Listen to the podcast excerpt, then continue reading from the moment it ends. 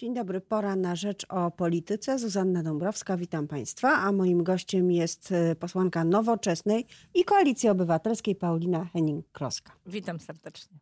E, sędzia Juszczyszyn z Olsztyna wyjechał o świcie, żeby dojechać do kancelarii Sejmu i obejrzeć dokumenty dotyczące list poparcia dla członków Krajowej Rady Sądownictwa. Czy coś zobaczy? Bo z, te, z ostatnich komunikatów kancelarii wynika, że ma e, sprawdzić tylko, ma prawo sprawdzić e, tylko jedną osobę. Że to jest właśnie dla mnie niezrozumiałe, bo Centrum Informacyjne Sejmu poinformowało E, według oficjalnego komunikatu, że będzie mógł e, obejrzeć e, te podpisy tylko i wyłącznie tam, gdzie złożyli je obywatele, a nie tam, gdzie złożyli sędziowie. Przypomnijmy, że można było takie dwie formy zgłoszenia użyć, 2000 obywateli bądź 25 sędziów.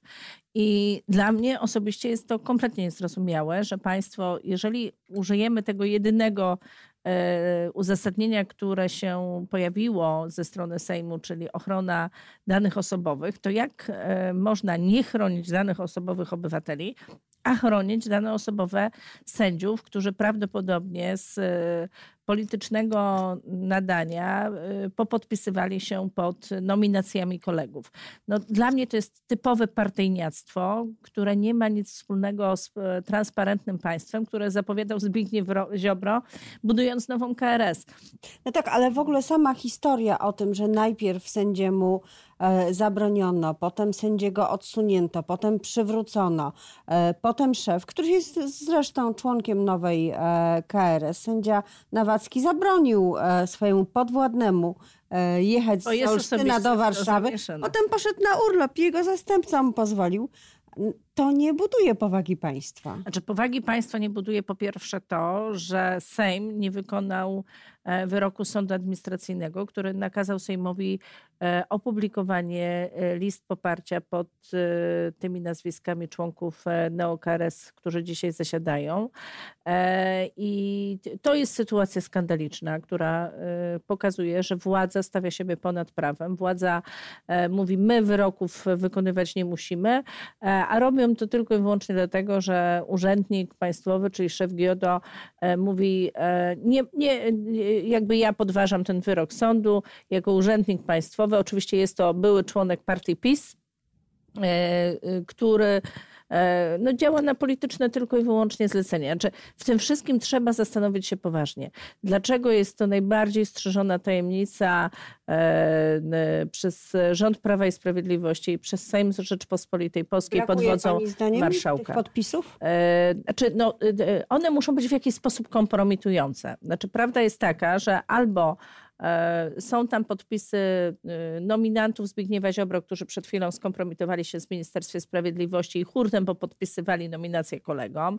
I to pokazuje, że NeoKRS jest typowo e, wybraną przez Zbigniewa Ziobro i jego ale wolno im, znaczy nie złamali w ten sposób prawa ani procedury. Łamiąc prawo, nie publikując, nie publikując tych list. Tak, ale to jakby druga część. No. Natomiast oczywiście tak, 25 sędziów, natomiast jeszcze gorsza jest sytuacja, jak w przypadku tego jednego właśnie sędziego Solsztyna, e, który e, no, budzi wątpliwość, czy w ogóle ma zebranych 25 podpisów, bo wiemy, że dwie osoby się, e, cztery które osoby. mówią, cztery osoby, ale dwie mówią w sposób otwarcie o przyczynach, cztery osoby wycofały swój podpis, miał 28 podpisów, podpisów, no to czysta kalkulacja prosta matematyczna na poziomie pierwszej klasy szkoły podstawowej, 24 podpisy to za mało, a sędzia mówi, że to jest jak głos do urny, e, wrzucony raz podpis złożony, nie można wycofać. Nieprawda, bo e, znamy opowieści osób, które wycofały swoje podpisy i mówią, że zrobiły to przed wrzuceniem głosu do urny, w cudzysłowie, czyli zanim oficjalnie te, te dokumenty zostały złożone i ta nominacja została przyjęta. No już niedługo będziemy wiedzieć, czym się skończy wizyta e, sędziego Juszczyszyna w Warszawie. A pani wspomniała o matematyce, a nie ma chyba bardziej skomplikowanej matematyki niż matematyka polityczna, zapisana chociażby w budżecie państwa. Tym bardziej, że mamy y, najwyższą od kilku lat inflację. Co to oznacza dla ustawy budżetowej, że ta inflacja na starcie jest y, tak wysoka? Ona będzie rosła, czy to jest taki wskaźnik, który pozwoli liczyć na wyższe wpływy w, w ciągu roku? No, no, jak zawsze, inflacja może cieszyć rząd, bo da wyższe wpływy do budżetu, bo im wyższe ceny w sklepach, tym wyższy podatek VAT, który wpływa do budżetu. I jeżeli nawet ten podatek będzie rosnąć, wpływy jego będą rosnąć w tym roku, to nie będzie to zasługa żadnego uszczelnienia, tylko wzrostu gospodarczego i inflacji.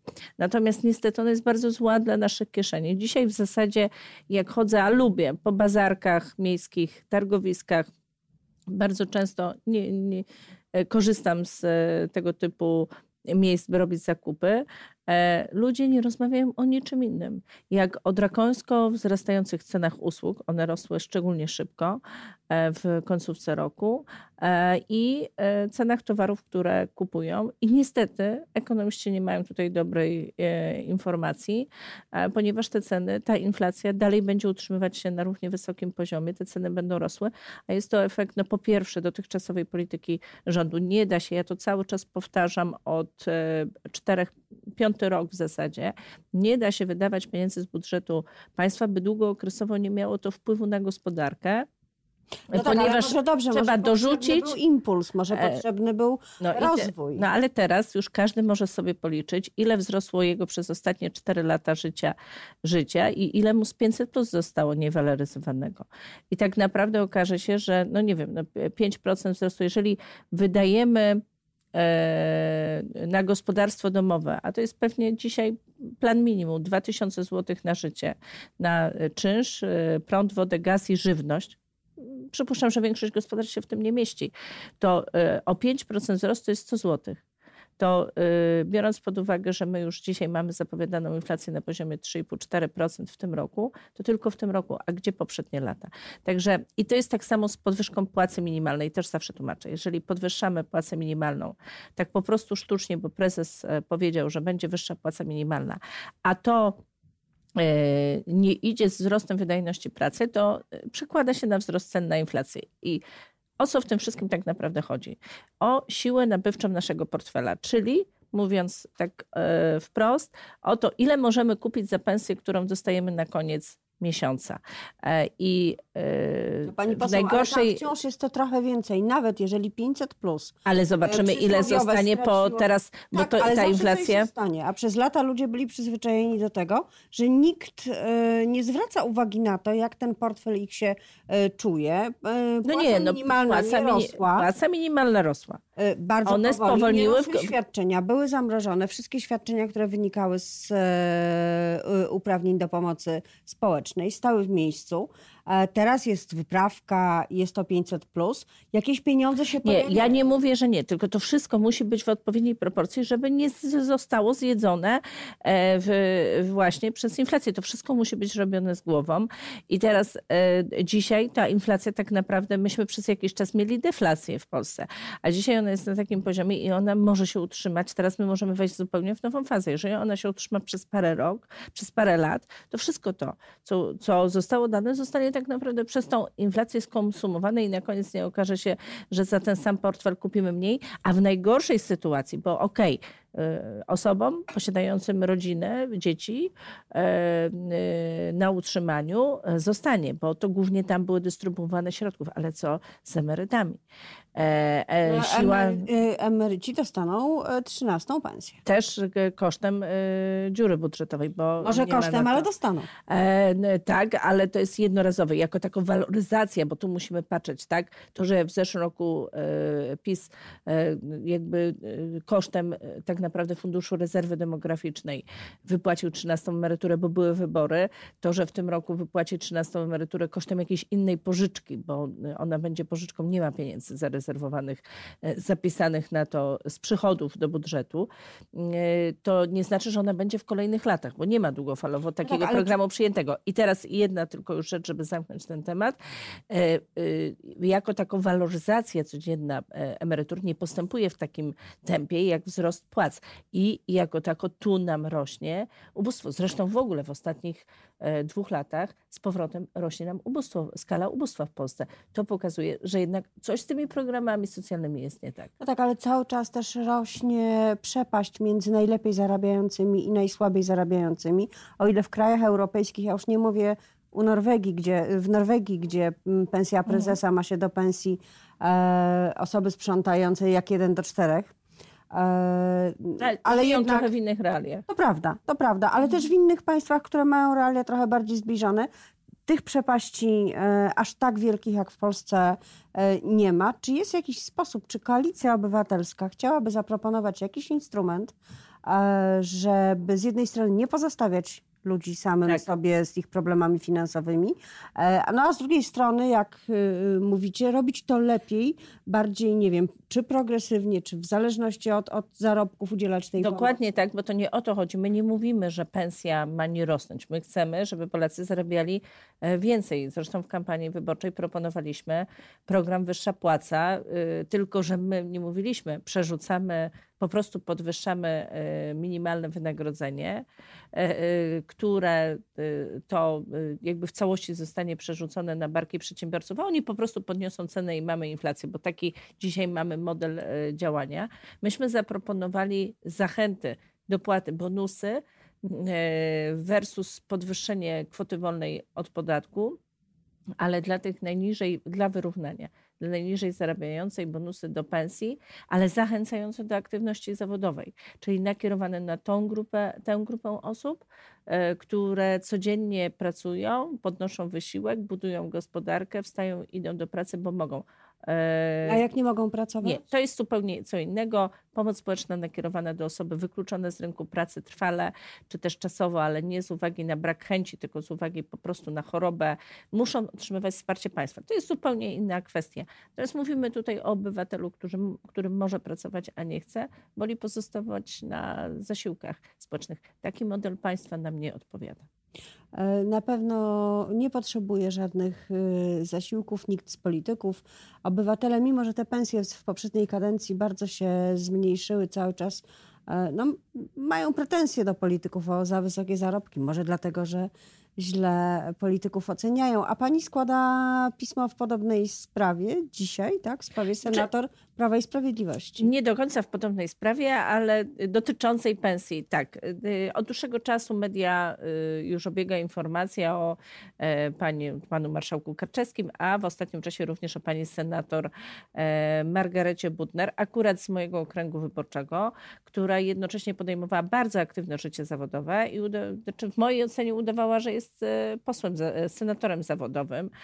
Ona utrzymywała, że jest posłem zawodowym i pobierała w pełnej wysokości uposażenie. Co, dlaczego mnie ta sytuacja e, tak dziwi? E, Pani senator pracowała w sześciu różnych miejscach, e, zarobiła w ciągu roku pani senator. w sześciu różnych miejscach plus Senat. Zarobiła w różnych rokach, latach po 600-700 tysięcy złotych, jednocześnie pobierała pensję. Ustawa o mandacie posła i senatora mówi wyraźnie, że posłowi nie wolno dorabiać. I ja w 2015 roku, gdyż zostałam posłanką na Sejm, musiałam zamknąć spółkę cywilną, w której miałam 5% udziału. Bo inaczej nie mogłabym Po to, objąć żeby móc pobierać żeby móc pobierać uposażenie. Mimo, że w tej spółce cywilnej nie pobierałam wynagrodzenia, mimo, że nie byłam czynnie zatrudnionym pracownikiem, miałam tylko 5% udziału, e, musiałam ją zamknąć. E, no, mój wspólnik przejął ją na własne barki, e, ale fizycznie jakby taki manewr trzeba było zrobić, bo nie mogłam wejść w rolę posła zawodowego i po, podjąć wynagrodzenie. E, I w tej sytuacji zastanawiam się, czy są równi i równiejsi, bo mnie postawiono taki warunek, e, a pani Margarecie Budner nie. Mało tego, to pracuje w licznych miejscach na umowę zlecenie, mimo że ustawa o mandacie posła mówi wyraźnie, że posłowi nie wolno dorabiać, ale jest myk, w wyjątkowych przypadkach, pod wyjątkowym uzasadnieniem marszałek może taką zgodę wyrazić. E, I po pierwsze, chciałabym wiedzieć, czy pani Margareta Budner ma na to zgodę, po pierwsze, a po drugie, czy jest to zasadne, bo wy- wyjątkowa ten sytuacja to wyjątkowa sytuacja, a nie po prostu, bo ja bym chciała jednak pobierać e, pensję i pracować zarobkowo. I w związku z tym złożyłam taki wniosek o zbadanie potencjalnych nieprawidłowości związanych z oświadczeniem majątkowym senator Margarety Butner. Do prezydium Senatu by się przyjrzało tej sprawie.